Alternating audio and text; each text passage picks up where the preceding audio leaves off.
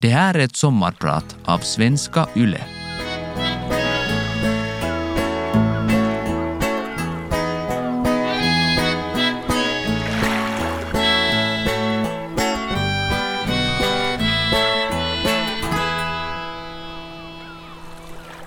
En helt vanlig morgon efter att jag har duschat öppnar jag Facebook medan jag tvättar tänderna.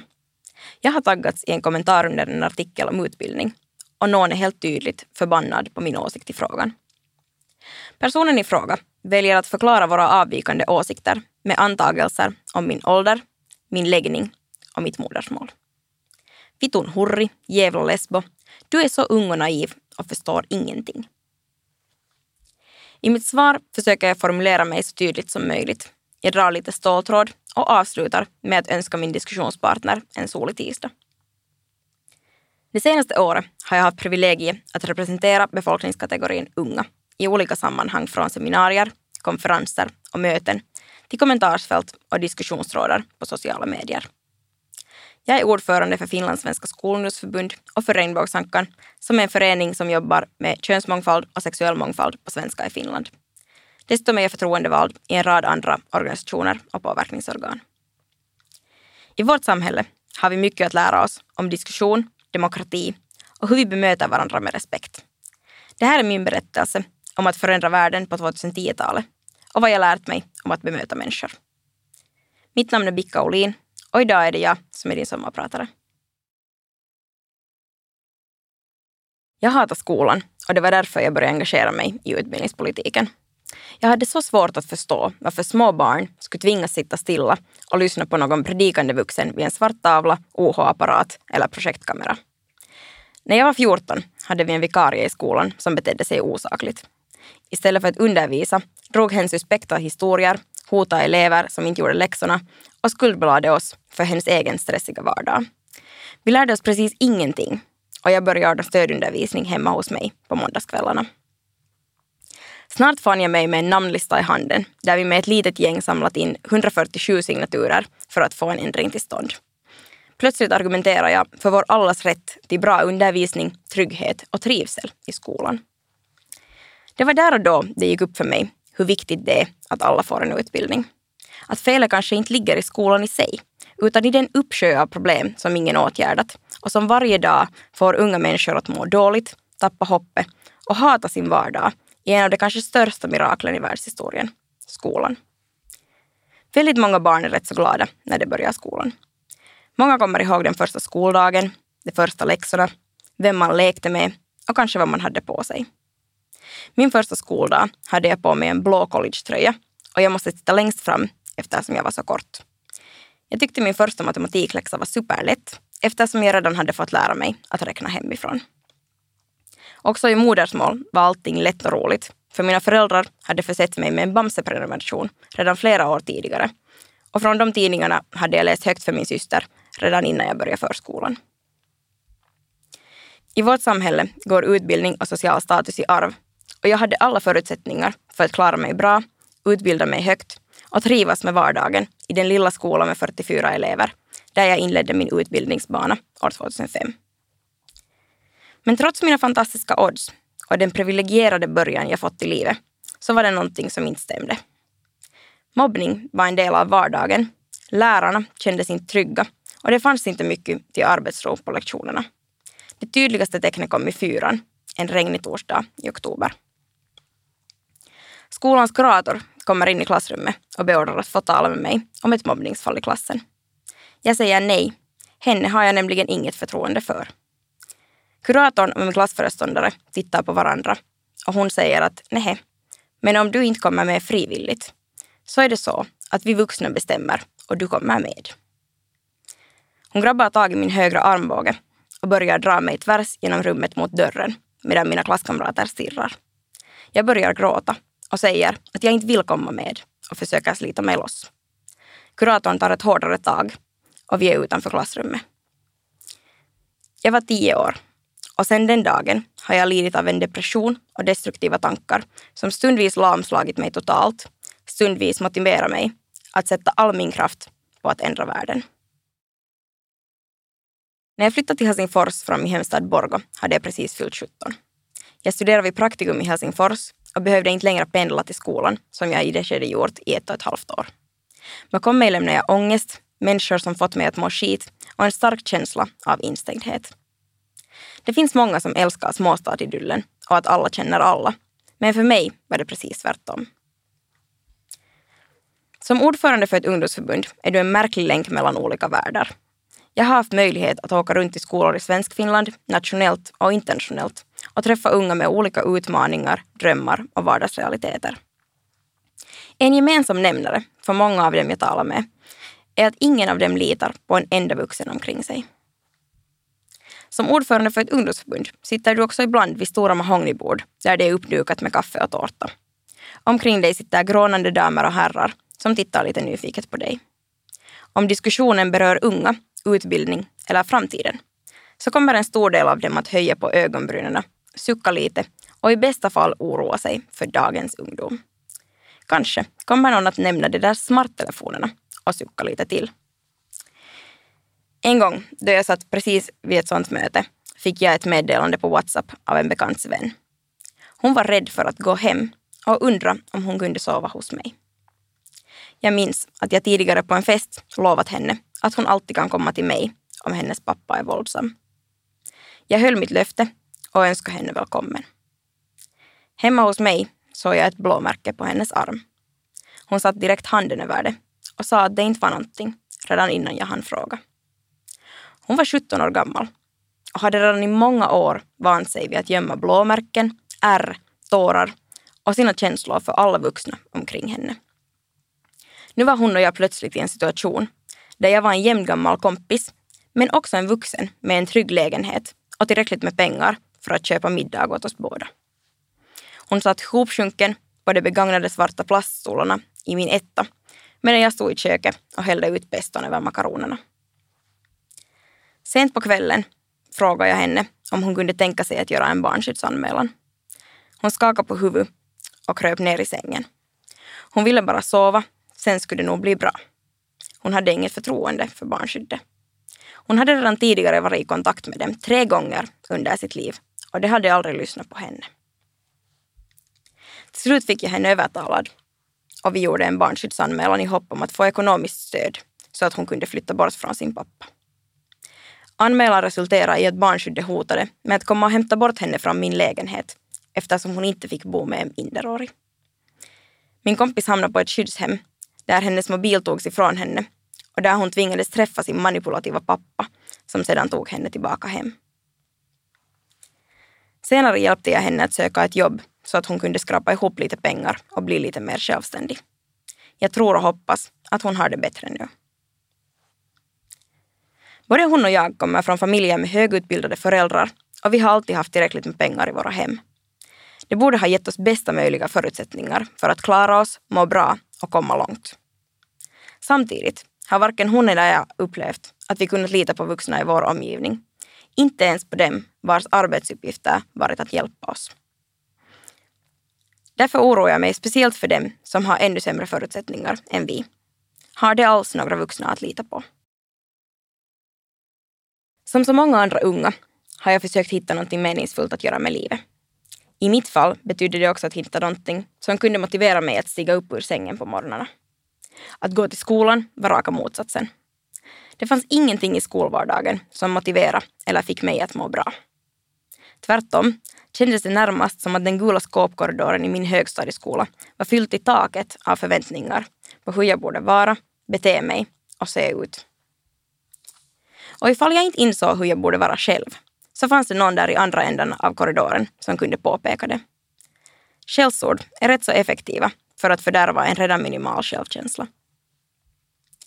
Senare har jag ofta undrat hur det är möjligt att lärarna i skolan aldrig hörde eller såg av det fysiska och psykiska våld som för sig gick. Han det inte se, orkade det inte se eller fanns det sådana som inte ens brydde sig? Min metod blev ändå inte att ignorera utan att försöka åstadkomma en skillnad. Från början var mitt mål att ingen skulle behöva ha en sån skoltid som jag hade.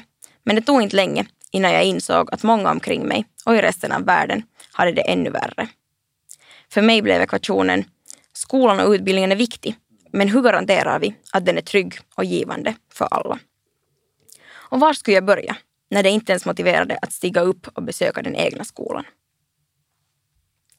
Svaret kom ändå just i min högstadieskola i form av en organisation för unga världsförbättrare och rebeller. Den heter Finlandssvenska skolungdomsförbund FSS och den är ett verktyg för att göra någonting. FSS samlar unga i högstadiet och på andra stadiet till årsmöte elevriksdagen varje vår.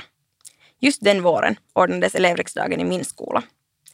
Efter strapatsen med namninsamlingen och vikarien hade jag blivit vald till ordförande för skolans elevkår och i den egenskapen var jag inbjuden att hålla ett öppningstal på elevriksdagen i april 2014. Den helgen höll jag fler och mer politiska talturer än jag hållit sammanlagt i hela mitt liv. Jag pratade på om religionsundervisning, skoldemokrati och rösträttsåldern. Och den helgen visade här totalt främmande unga från hela landet mig sitt förtroende och valde in mig i förbundets styrelse. Där började en mycket mer strukturerad kamp mot orättvisorna i världen och den kom att sätta en prägel på hela mitt liv. För mig är tredje sektorn, möten och evenemang, en livsstil. Att sitta sena kvällar och förbereda argument eller planera politiska flyers är det mest naturliga som finns. I ungdoms och studerandeföreningarna har jag hittat en plats där jag kan vara mig själv och där jag känner mig värdefull. Med mitt engagemang i politiken kom helt överraskande också en hel drös fantastiska nya människor från olika delar av Finland, Europa och världen som jag annars aldrig skulle ha stött på. Idag är så gott som alla i min närkrets likadana påverkningsnördar som jag. Med dem kan jag dela klimatångest, ledarskapsfrågor och erfarenheter av trakasserier på nätet och vi motiverar och sporrar varandra när det känns motigt. Alla fantastiska nya människor var en fördel av samhällsengagemanget som jag inte hade räknat med, men som jag kommer att vara tacksam för resten av mitt liv. Och det är tur att det finns sådana människor, för annars hade nog många stunder känts otroligt ensamma. Men alla delar av att engagera sig i samhället är inte precis en dans på rosor. Som nyvald förbundsordförande för FSS våren 2017 var jag på väg till ett tillfälle i riksdagen där kulturutskottet skulle höra en rad sakkunniga om reformen av yrkesutbildningen. Jag hade förberett ett riktigt bra utlåtande. Det var koncist och utförligt men inte för långt. Vartannat stycke hade jag skrivit på svenska och vartannat på finska. Jag hade haft min pekplatta i laddning hela natten så att jag skulle kunna läsa från den. Och redan 20 minuter innan tillfället skulle börja var jag på plats utanför salen och tog ivrigt bilder av mig själv och asiantuntija-skylten som jag fått vid ingången.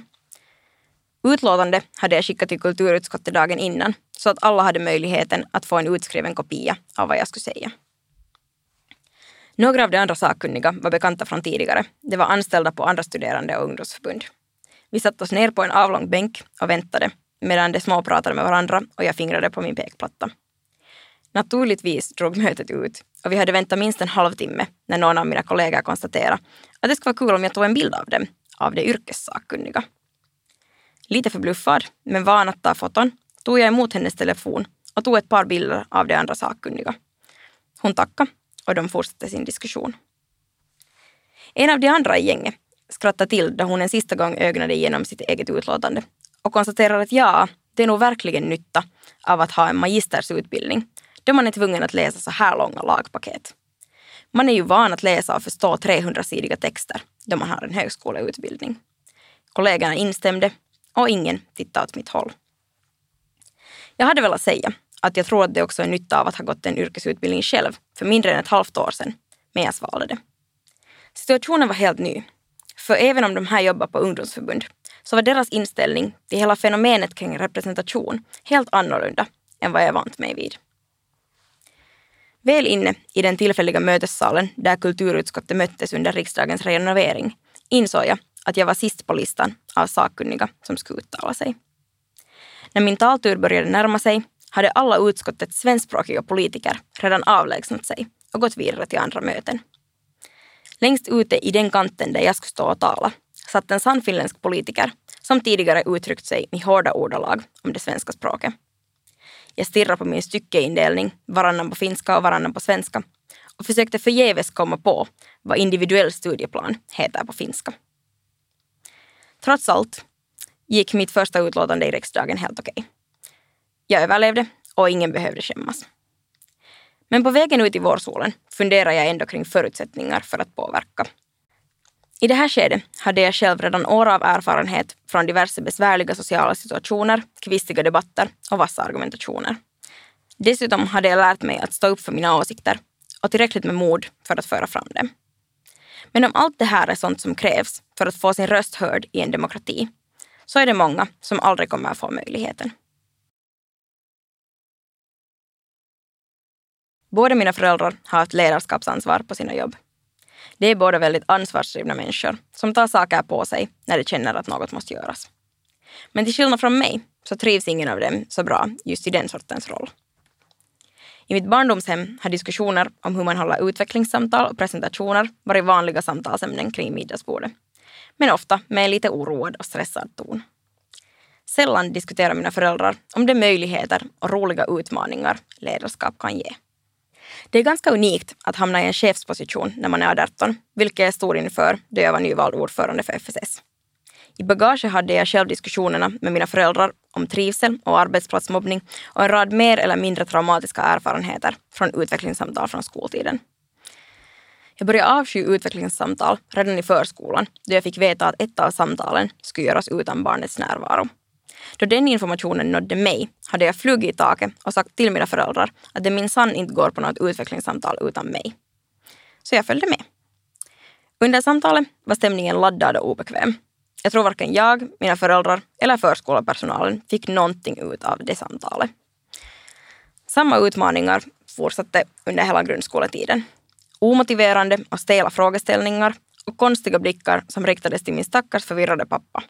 Han hängde troget med då vårdnadshavarens närvaro krävdes och han sa alltid att han är där för att lyssna och stödja mig. Utvecklingssamtalen, speciellt de där som man skulle ha med sig sin vårdnadshavare på, kom att bli några av de stunder under skoltiden då jag känt mig mest förbisedd och påtrampad. På grundskolans sista diskussionstillfälle var det dags att diskutera min framtid. I slutet av en gulnad korridor satt elevhandledaren som också var min klassföreståndare. Jag tror att vi båda suckade djupt när jag klev in. Vi hade inte riktigt dragit jämnt under de senaste tre åren. Så det var både en lättnadens suck för att det snart skulle vara över och en trött suck för att vi skulle sitta och stirra på varandra den kommande timmen. Efter 45 minuter av besvärade förslag från min handledares sida och uppgivna motförslag från min konstaterar min klassföreståndare och elevhandledare att det är lika omöjligt att hitta en passlig utbildning åt mig som att hitta en nål i en höstack.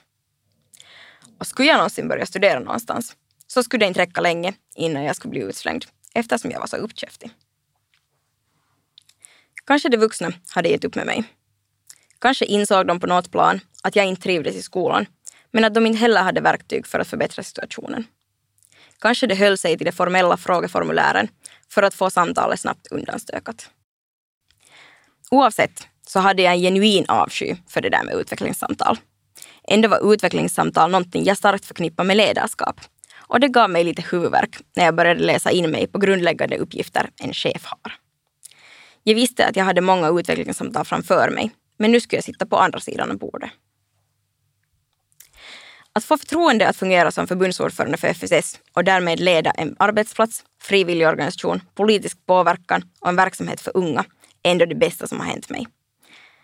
Det har gett mig en tydlig arena för att försöka göra bättre ifrån mig och vara en motvikt till vad jag sett och upplevt av ohälsosam verksamhetskultur och dåligt ledarskap. De negativa upplevelserna kommer naturligtvis inte bara från skolvärlden, utan också från organisationer jag engagerat mig i och arbetsplatser som jag eller bekanta jobbat på. Ja, och från bemötande av andra i samhället i största allmänhet. De upplevelserna kommer också i mångt och mycket från min egna kära, kära ungdomsorganisation. På finska finns det ett hemskt bra ord som används mycket inom ungdomsorganisationer, kasvattijärjestö, en fostringsorganisation. Det är FSS också, på gott och ont. I FSS har jag fått lära mig att vara en del av en grupp människor, att leda andra, att få stöd och ge stöd, göra skillnad och reda ut problem. Och speciellt har jag fått lära mig att misslyckas.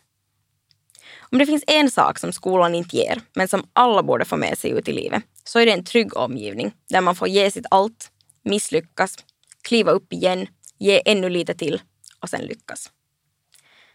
Kanske föga överraskande så gav FSS mig också en möjlighet att komma över min avsky för utvecklingssamtal. Nu vet jag att det inte räcker med en halvtimme inprickad i kalendern en gång i året för att kunna bemöta och stödja människorna omkring en. Hästjobbet görs i vardagen, vid kaffekokaren, på mötespausen eller i sporran på vägen hem. Då kan man använda utvecklingssamtalet till att skratta åt roliga minnen och hitta på nya idéer och projekt att förverkliga tillsammans. Om jag fick bestämma så skulle normer och oskrivna regler ha ett bäst före-datum. Vi sätter upp så väldigt mycket förväntningar på oss själva och varandra och glömmer totalt att revidera förhållningssätt och arbetsmetoder med jämna mellanrum. Politiken och medborgarsamhället är praktexempel på det här. Jag har stött på en hel del gubbar som höjt näsan i vädret när jag uttryckt en avvikande åsikt och motiverat deras beslut eller tankegång med att de faktiskt suttit i den här styrelsen redan långt innan jag föddes. Ett typiskt exempel är avsaknaden av unga människor i politiken och medborgarsamhället. Ett av de absolut mest intressanta diskussionstillfällen jag fått besöka handlar bland annat om det här. Jag var inbjuden att tala under rubriken Verksamhetskulturer på 2030-talet och hade tänkt filosofera lite kring hur organisationer kan och behöver förnyas för att locka nya människor och på så sätt överleva. Min publik bestod av ledande figurer inom förbundsvärlden och allt gick bra ungefär tills jag använde ordet existensberättigande. I min mening så finns det inget självändamål med att en enda organisation, parti eller rörelse finns. Det som avgör om organisationen behövs är huruvida den gör någon nytta och då är mätinstrumentet vad människor tycker om den. Visst är det fint om du kan erbjuda en arbetsplats för fem personer eller om några aktiva medlemmar får åka på utflykt med lite stiftelsepengar. Men om medlemsantalet eller mängden människor du når konstant minskar och du har svårt att engagera nya, yngre personer så har du ett problem.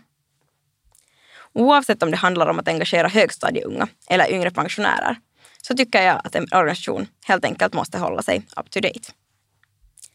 Men det är ju inte så kul att höra om du suttit i styrelsen för din organisation redan sedan innan jag föddes. Speciellt om du inte vill ändra på någonting. Och det lyste igenom diskussionen som följde på seminariet också. Om du har problem med att nå en viss grupp människor så behöver du helt enkelt fundera på vilka delar av verksamhetskulturen som håller den borta. Jag slängde ur mig en provokation, en fråga, om det är möjligt att komma på en viss organisationsmöten med en mössa på huvudet. Organisationens representant utbrast att man naturligtvis följer organisationens regler om man vill komma på deras möten och att det naturligtvis innebär att man tar av sig mössan. Och så kan man naturligtvis göra. Men vill man ha med fler människor, yngre människor, så kunde man fundera på om bäst före-datumet på den regeln har gått ut.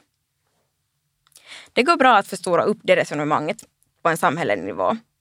Och det går att byta ut mössan mot vilken som helst detalj som skiljer människorna vid mötesbordet från dem som inte är där. Om man måste kunna engagera sig enligt vissa förväntningar för att få vara med, till exempel vid en viss tidpunkt eller till en viss kostnad, så utesluter det helt enkelt vissa människor. Kostnader, åldersgränser och val av utrymmen är skrivna och oskrivna regler vi sätter upp och med vilka vi begränsar vissa gruppers deltagande i samhället och samhällsdebatten. I många fall är det just unga och andra utsatta grupper som utesluts och därmed hörs ännu sämre. Tack vare en lustig överlevnadsinstinkt som lett mig till att försöka påverka världen omkring mig till varje pris har jag kommit i kontakt med en absurd mängd människor som är helt annorlunda än mig. Många av dem har jag svårt att förstå och eventuellt ännu fler har svårt att förstå mig. Men de mest givande mötena har inte varit med dem som liknar mig, utan med dem som satsat på att försöka förstå min synvinkel. Den största demokratigärningen du kan göra är att lyssna på någon annan, någon som inte hörs så bra. Om du känner någon ung eller någon som borde ha blivit hörd som ung, så ta tillfället i akt och lyssna på vad hen har att säga. Samma sak kan du göra i diskussioner i kommentarsfälten på sociala medier och på så sätt själv visa exempel. I bästa fall är det du som sätter igång en positiv spiral av förändringar och erbjuder en arena för någon där den kan göra sig hörd och på lång sikt själv göra världen till en lite bättre plats. Att möjliggöra delaktighet och diskussion för underrepresenterade grupper, det om något är att förändra världen. Mitt namn är Bicka Olin och jag har varit din sommarpratare idag. Tack för att du hängde med och hoppas du har en riktigt fin fortsättning på sommaren.